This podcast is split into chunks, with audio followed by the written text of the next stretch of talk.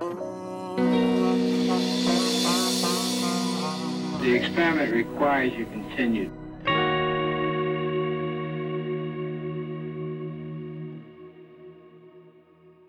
Jeg betragter mig selv som rimelig klimabevidst. Faktisk er jeg nok en ret typisk kaffe latte drikkende, okay, jeg drikker så espresso, men det er næsten det samme, informationslæsende, økologikøbende akademikertype, som endda boede på Indre Østerbro, inden jeg valgte at flytte på landet med min akademikerkæreste og vores datter, for at få høns og dyrke vores egne økologiske gulerødder. Du kender sikkert typen. Derfor er jeg faktisk altid ret bevidst om, at det forurener, hver gang jeg vælger at tage bilen. Noget det kan være svært helt at komme udenom, når man bor på landet. Og derfor kan det jo undre, at jeg i de seneste år har fået den vane netop at tage bilen, hver gang vi skal på ferie i Danmark. For eksempel hos svigerfamilien i Nordjylland. Tidligere tog vi nemlig næsten altid offentlig transport i form af tog eller hurtigbus rundt i landet. Hvad gik galt? Hvad ændrede min adfærd? Årsagen til, at jeg i dag i hvert fald klimamæssigt har dårligere transportvaner, end jeg tidligere havde, og uden at overveje det, pakker bilen, når vi skal på ferie, ligger snart fire år tilbage. Der valgte jeg og resten af familien nemlig at anskaffe en hundevalp, lille Sofus, som i dag er blevet til en voksen handhund på over 40 kilo. At køre med bus eller tog til Nordjylland med en stor hund, som i øvrigt plejer at bo ude på landet og derfor i hvert fald slet ikke kører i offentlig transport til daglig, er ganske enkelt helt uoverskueligt. Og i hvert fald langt mere besværligt end at smide ham ind bag vores stationcar. Jeg har altså en adfærd og en transportvane i dag, som skyldes en beslutning, jeg traf for flere år siden. Og jeg kan jo arbejde nok så meget med mine transportvaner nu og her. Det giver bare ikke ret meget mening, hvis ikke jeg har blik for, at den situation, jeg står i, og dermed altså rammerne for mine vaner og min adfærd, blev lagt for fire år siden. Og sådan er mange af de vaner, du har, sikkert også. Det er nemlig resultatet af vanekæder, hvor tidligere adfærd, om ikke determinerer, så i hvert fald skubber meget kraftigt til den adfærd, vi har i dag. Og det er, hvad dagens lektion handler om. At få øje på de kræfter og de faktorer, der kan skubbe kraftigt til vores vaner og adfærd, og som vi ikke umiddelbart kan få øje på, hvis vi kun koncentrerer os om, hvad der foregår nu og her. Du lytter til Vaneinstituttet, og jeg hedder Anders Kolding Jørgensen. Jeg er adfærdspsykolog og også rektor her på instituttet. Vaneinstituttet er en klog og grundig podcast, som har et eneste formål, nemlig at give dig en højere vanebevidsthed og hjælpe dig med at forstå og måske ligefrem ændre dine egne vaner. Og måske blive lidt mere fri i hverdagen. Og du kan godt spænde hovedtelefonerne godt fast til kranet, for som sædvanligt bliver der nørdet igennem.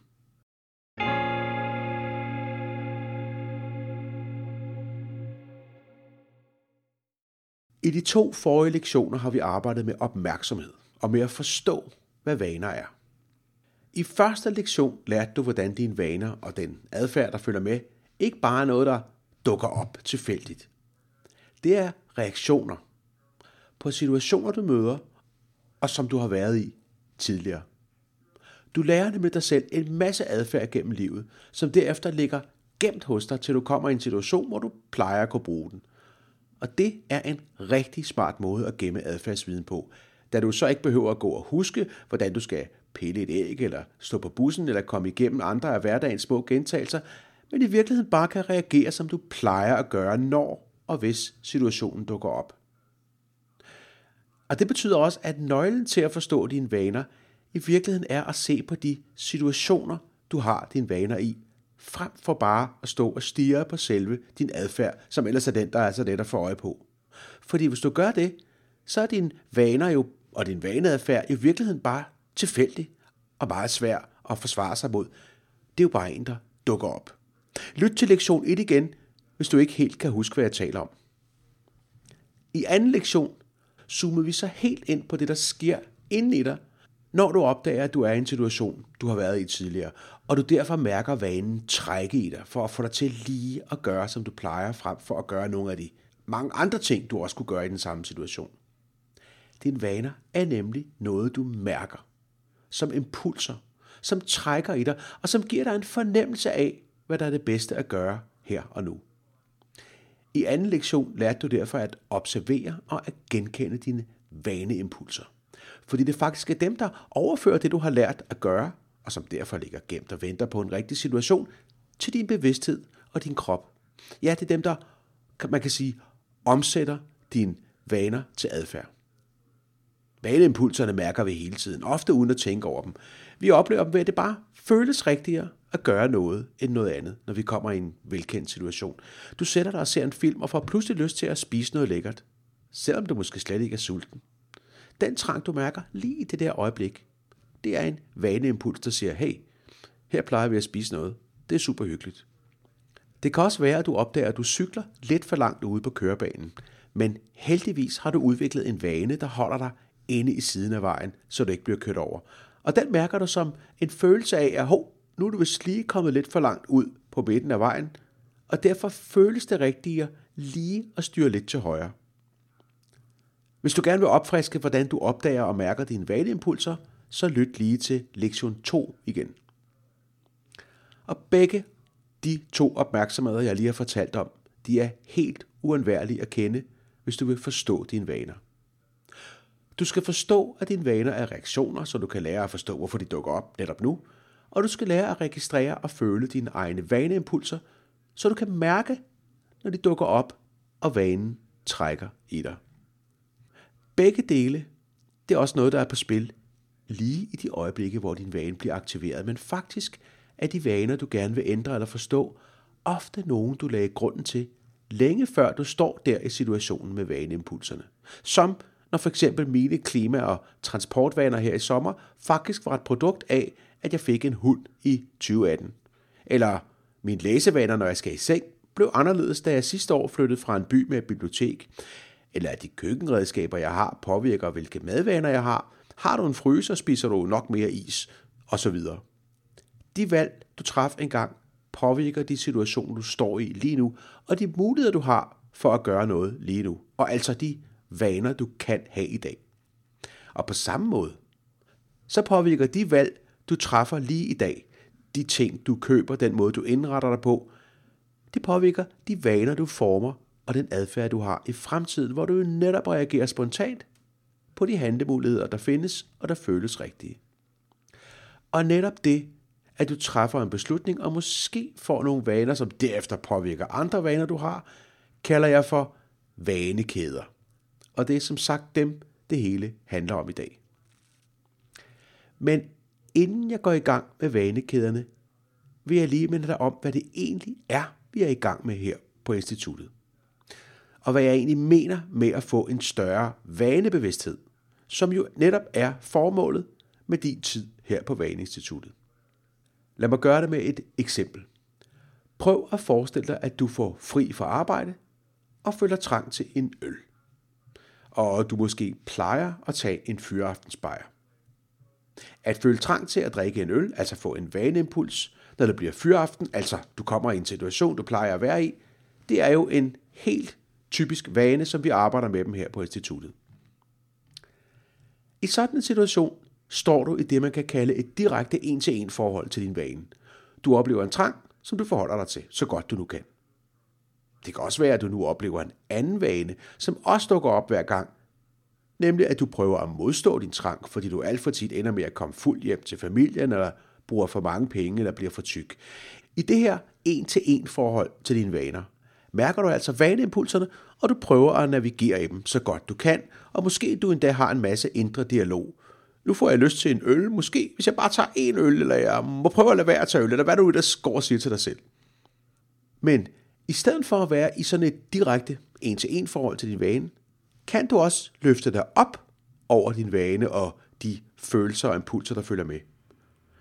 Det er det, du gør, når du ikke bare mærker din øltrang og prøver at navigere i den, men du begynder at se på din øltrang ved fyraftens som produkt af en vane. Og du begynder at se på den situation, du får den trang i, og oh, det er hver gang, jeg har fyraften, og du mærker oven i købet lige der, hvor vaneimpulserne trækker i dig. Og du ser den situation sandsynligvis blot er en af mange lignende situationer, du har vendt dig til at reagere på med en øl.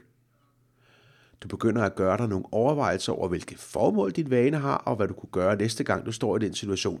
Og nu forholder du dig ikke længere en til en til din vane og de følelser, der følger med. Nu forholder du dig til dine vaner generelt og til dine vaneimpulser som nogen, du ikke nødvendigvis behøver at adlyde. Og når du træder ud af eller op over vanens rammer og følelser og begynder at se på vanen i sig selv udefra, så kan du begynde at arbejde med dine vaner. Du er altså ikke nødt til bare at reagere på de impulser og følelser, der dukker op i situationen. Du forlader din vaners labyrint og ser på vanen oppefra eller udefra. Og for nu at gentage mig selv, det gør jeg jo mange gange her, og det er faktisk en del af meningen, at du får de samme ting at vide på flere forskellige måder, så de bedre hænger fast. Og en af de ting, jeg gentager, det er jo selvfølgelig, at det er jo ikke meningen, at du skal træde ud af dine vaner og begynde at analysere dem hele tiden og hver gang. Det vil for det første være fuldstændig umuligt, da en kæmpe del af din adfærd netop bliver hjulpet af vaner. Men det vil også være ret underligt, ja ligefrem dumt, da du så ikke kunne bestille andet end at tænke over hver eneste lille gentagelse i hverdagen, og så vil hele ideen med dine vaner jo ligesom være væk. Der, hvor du skal træde ud af dit en-til-en forhold til vanen og de følelser og impulser, der dukker op, det er der, hvor du gerne vil forstå eller ændre en enkelt vane, og ikke bare reagere på den.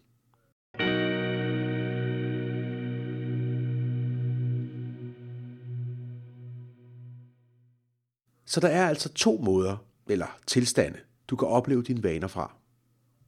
I et en-til-en forhold, hvor du sådan set bare reagerer på vanen så godt du kan. Og så er der det forhold, hvor du får øje på vanen, situationen, der sætter den i gang, og de impulser og følelser, du mærker, og hvor du altså tænker bevidste og analytiske tanker om dine vaner, frem for bare at forsøge at navigere i dem. Ja, altså hvor du bruger det, du lærer her på instituttet. Og jeg har faktisk tænkt lidt over, hvad jeg skal kalde det her refleksive plan. Man kunne jo bare kalde det for det refleksive plan, fordi man her reflekterer over sine vaner, men det virker altså lidt for kedeligt og psykologagtigt til mig, og jeg skal nok sige det en hel del, tænker jeg. En anden løsning kunne være at kalde det noget med meta. Altså metaplanet for eksempel, eller måske ligefrem metavaner. Meta betyder jo at træde udenfor, eller træde op på et niveau over. Og metateori er for eksempel teori om teorier. Metakognition, det er tænkning om tænkning. Og her skal du faktisk have nogle vaner for at håndtere vaner. Men selvom meta vil være semantisk korrekt, så smager det stadig lidt for meget af hyperabstrakte diskussioner fra fredagsbarn på filosofistudiet. Så derfor valgte jeg ganske enkelt at kalde det for det bevidste eller det vanebevidste plan. For det er jo, hvad det er. Og det lyder lækkert, og det lyder oplyst, og kun en lille smule prætentiøst. Så målet med undervisning her er altså at give dig bevidsthed, vanebevidsthed. At lære dig at træde op over din daglige en-til-en tilgang til din vane, og se på den på et bevidst plan. Og på det bevidste plan er dine vaneimpulser ikke sansninger af verden, som den er. De er indlærte følelser, som du kan se, hvordan hænger sammen med den måde, du har håndteret lignende situationer på tidligere. Og vigtigst alt, så er det jo altså følelser, som du ikke nødvendigvis behøver at adlyde. Og de begreber, vi har arbejdet med på det vanebevidste plan, det er vanesituationer og vaneimpulser. Og så skal vi altså nu til at arbejde med vanekæder.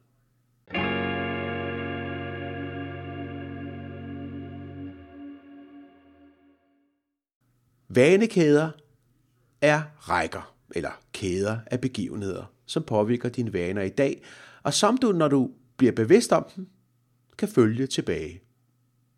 Lad mig give dig et eksempel, du sikkert kender. En gang havde du et vækkeur stående ved din seng. En dag, måske fordi uret løb tør for strøm, og du stod og skulle købe nye batterier, tænkte du, hey, jeg har da min mobiltelefon. Der er jo et ur og en alarm i. Det bruger jeg da i stedet. Og da du på mobilen oven i købet har noget spændende at læse i, inden du skal sove, så holdt du måske også op med at tage en bog hjem fra biblioteket og have liggende ved sengen eller abonnere på et blad eller en avis. Hvorfor skulle du det? Du træffer altså nogle beslutninger, som satte rammer for din adfærd og din måde at navigere vaner på fremover. For hvad sker der nu, hvis du en dag beslutter, at du gerne vil sove bedre, og for eksempel ikke vil ligge og kigge på mobilen, inden du skal sove? fordi du måske synes, det er lidt meget at have en super duper underholdningsmaskine med i seng hver nat. En maskine, der både kan vise videoer og sende arbejdsmails og notifikationer fra dit barns tandpleje til dig. Her vil det jo være oplagt bare at lade mobilen ligge i stuen og læse en bog i stedet og falde i søvn på, ikke? Så er det problem løst. Men du kan jo ikke lade mobilen ligge i stuen, for så kan du ikke komme op om morgenen. Og du kan jo naturligvis sætte mobilen i flytilstand, men hvad skal du så gøre med din bevidsthed? Du har ingen bøger, du ikke har læst, og man kan ikke skaffe nogen om aftenen, mens man ligger i sengen, og du har vendet dig til, at der sker noget interessant lige inden du sover. Du er naturligvis 100% fri til bare at lægge dig og falde i søvn, men med mobilen ved hånden, og en trang til noget at beskæftige bevidstheden med, fordi det er det, du plejer, vil jeg gætte på, at du vil være ret tilbøjelig til lige at finde en undskyldning for dig selv, og lige tænde skærmen og læse lidt. Ikke fordi du er tvunget, men fordi du mærker en masse følelser, som prøver at få dig til at læse dig i søvn, som du plejer, og fordi en skærm er, hvad du har ved hånden. Hvis du kender mig, så ved du efterhånden, at jeg ikke vil gøre mig til dommer over, hvad du gør, når du skal sove, eller med dit liv i det hele taget. Jeg kender dig jo ikke, og jeg har i øvrigt problemer nok med at finde ud af mit eget liv, skulle jeg hilse at sige. Men du kan se det her som et eksempel, som jeg tror alle kender. Et eksempel på de vanekæder, der fører til, at du enten kan vælge at kede dig, eller at glo på mobilen, og at de fører tilbage til, at du smed vækordet ud og gik lige forbi biblioteket på vejen hjem, frem for at gå ind og hente dig et par gode romaner og falde i søvn på. Og hvis du skulle få lyst til at ændre dine falde i søvnvaner, så er det ikke i situationen, hvor du ligger i din seng, du kan ændre dem. Det er tidligere. Bestil et batteri til vækkeuret og lån et par bøger, og når du så ligger dig i sengen, så har du mulighed for at gøre noget andet, end at ligge og glo på TikTok-videoer, hvis det altså er det, du har lyst til.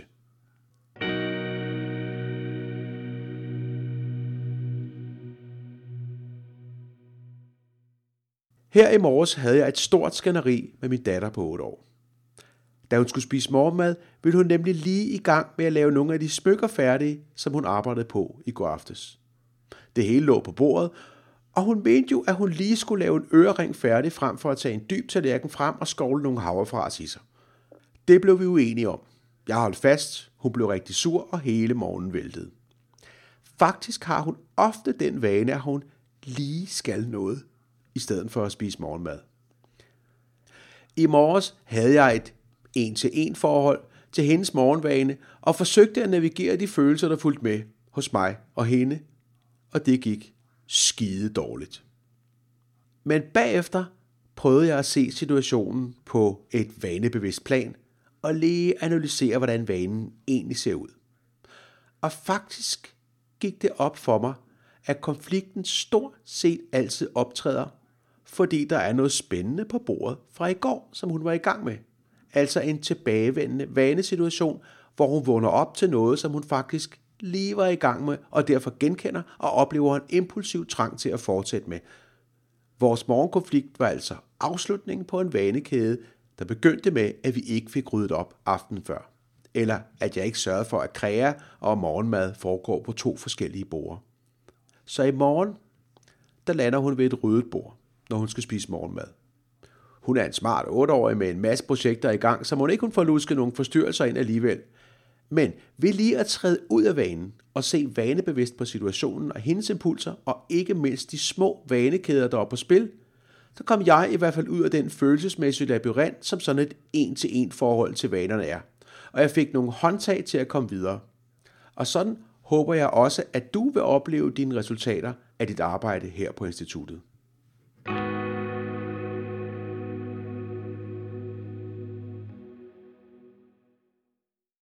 Den vigtigste erkendelse ved vanekæder, det er faktisk selve begrebet. For selve begrebet fortæller dig, at du skal være opmærksom på, at mange vaner og vanesituationer er nogen, du skaber med dine andre vaner eller beslutninger. Og lad mig allerede nu begynde at tage fat på dagens hjemmeopgave. Tidligere har du lært at være opmærksom på, at dine vaner er en reaktion på en eller anden situation. Du har også lært, at situationer kan være mange ting.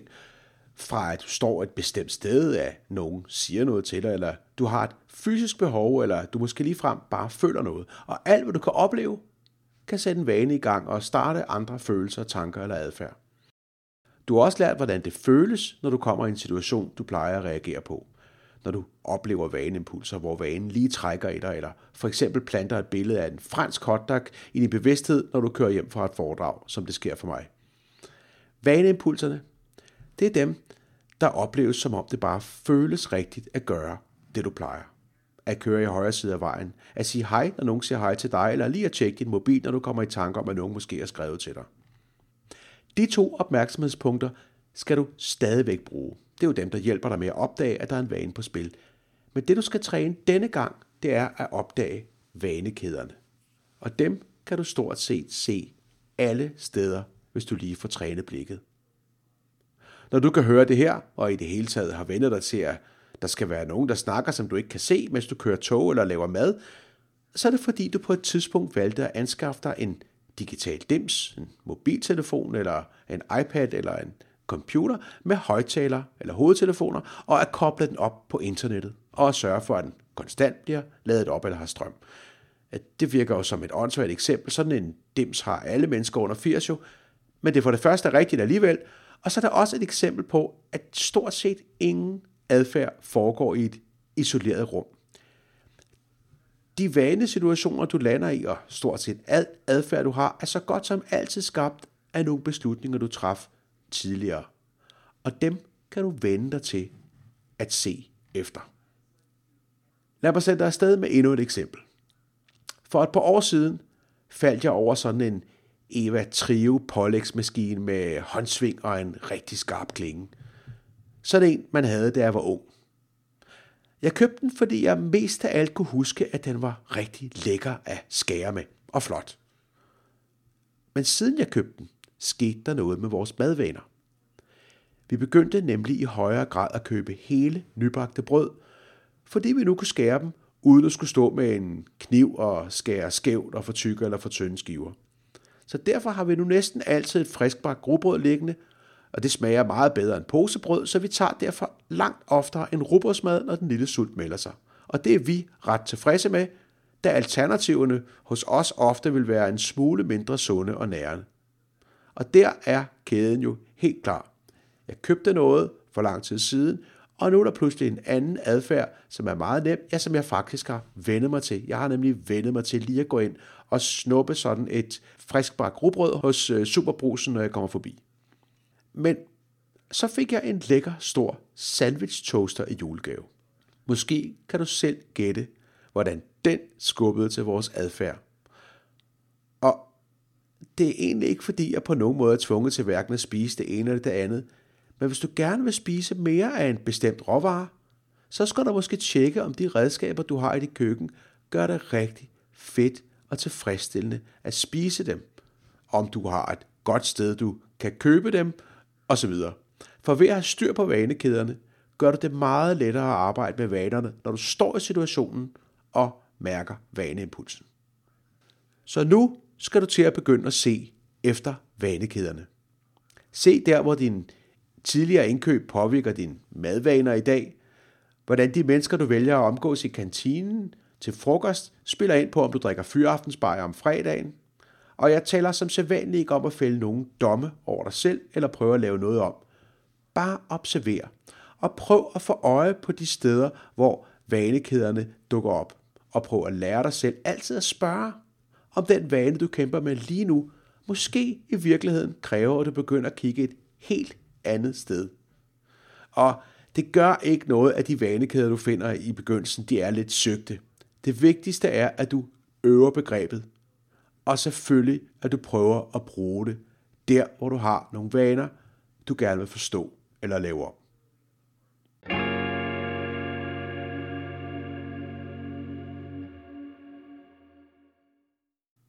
Hermed nåede vi til afslutningen på denne lektion. Og med den fik du styr på de tre vigtigste opmærksomheder, du skal bruge, når du løfter dig op over dine vaner og de følelser, der følger med, og prøver at se vanebevidst på det, der foregår. Og fordi du her er ved at træne din nye vanebevidsthed og ved at lære, så får du dem lige igen. Den første opmærksomhed handlede om at se mønstret og opdage, at din vane ikke er tilfældig. Det er en reaktion, du har lært dig selv at have i en eller anden situation, du plejer at komme i. Så den første opmærksomhed er altså at prøve at se på mønstret og situationen, din vane dukker op i, og ikke stiger dig blind på adfærden. Måske du drikker vin, hver gang du bliver stresset på arbejdet. Så er det ikke vinen, du skal se på, men den måde, du reagerer på, når du bliver stresset på arbejdet.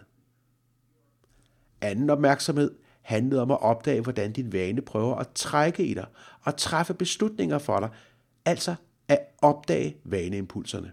Og det er jo de der små glimt, der pludselig siger, hey, køb en kage, så snart du kommer til at tænke på, at du snart går forbi bæren, småsulten på vej hjem fra arbejde. Og tredje opmærksomhed handlede så i dag om at opdage alle de tidligere valg og vaner, som måske påvirker eller ligefrem skaber den situation og du vaner, du står i lige nu. Eller som måske bare gør en adfærd meget lettere og mere tilfredsstillende, og en anden adfærd meget mere besværlig. Som når du for eksempel har skrottet dit vækkeur og er holdt op med at tage en bog med hjem, og det derfor nu vil være en ret stor overvindelse, hvis du pludselig skulle lade være med at tage TikTok, Ekstrabladet og din arbejdsmail med i seng. Du kan nu begynde at træde ud af vanen og se vanebevidst med dine nye værktøjer på den. Næste gang vi høres ved, skal vi til at arbejde med at ændre dine vaner. Og heller ikke her er der nogen magisk formel. Det er jo adfærd, vi taler om. Men jeg lover dig, at du får flere redskaber, og vi skal se på mange flere cases. Hvis du har lyst til at få hjælp med en vane, som andre kan lære af, så skynd dig at lukke den nærmeste e-mail op, og skriv mig en mail lige nu på anders vaneinstituttet.dk med de første få ord om din vane. Så er forbindelsen oprettet, og så tager jeg fat i dig, og vi tager den derfra. Alle får svar, og intet bliver offentliggjort, uden at du er okay med det. Hvis du har nytte af din undervisning her på Vaneinstituttet, skal du ikke foretage dig noget andet end at være glad og arbejde med dine vaner. Du skylder mig intet. Vaneinstituttet produceres som en service til dig, der føler dig kaldet og også som et ekstra materiale til de mennesker, der har overvejet et af mine foredrag om vaner og gerne vil vide mere. Du må også gerne citere fra podcasten, som du vil. Det er jo det, man har viden til. Det eneste, du i virkeligheden kan gøre for mig, det er at holde fast, at blive hængende her på instituttet sammen med de andre, og ikke mindst fortsat med at give mig feedback, som så mange af jer har gjort. Tak for det. Vi høres ved. Husk, jeg tror på dig. Jeg ved, du kan.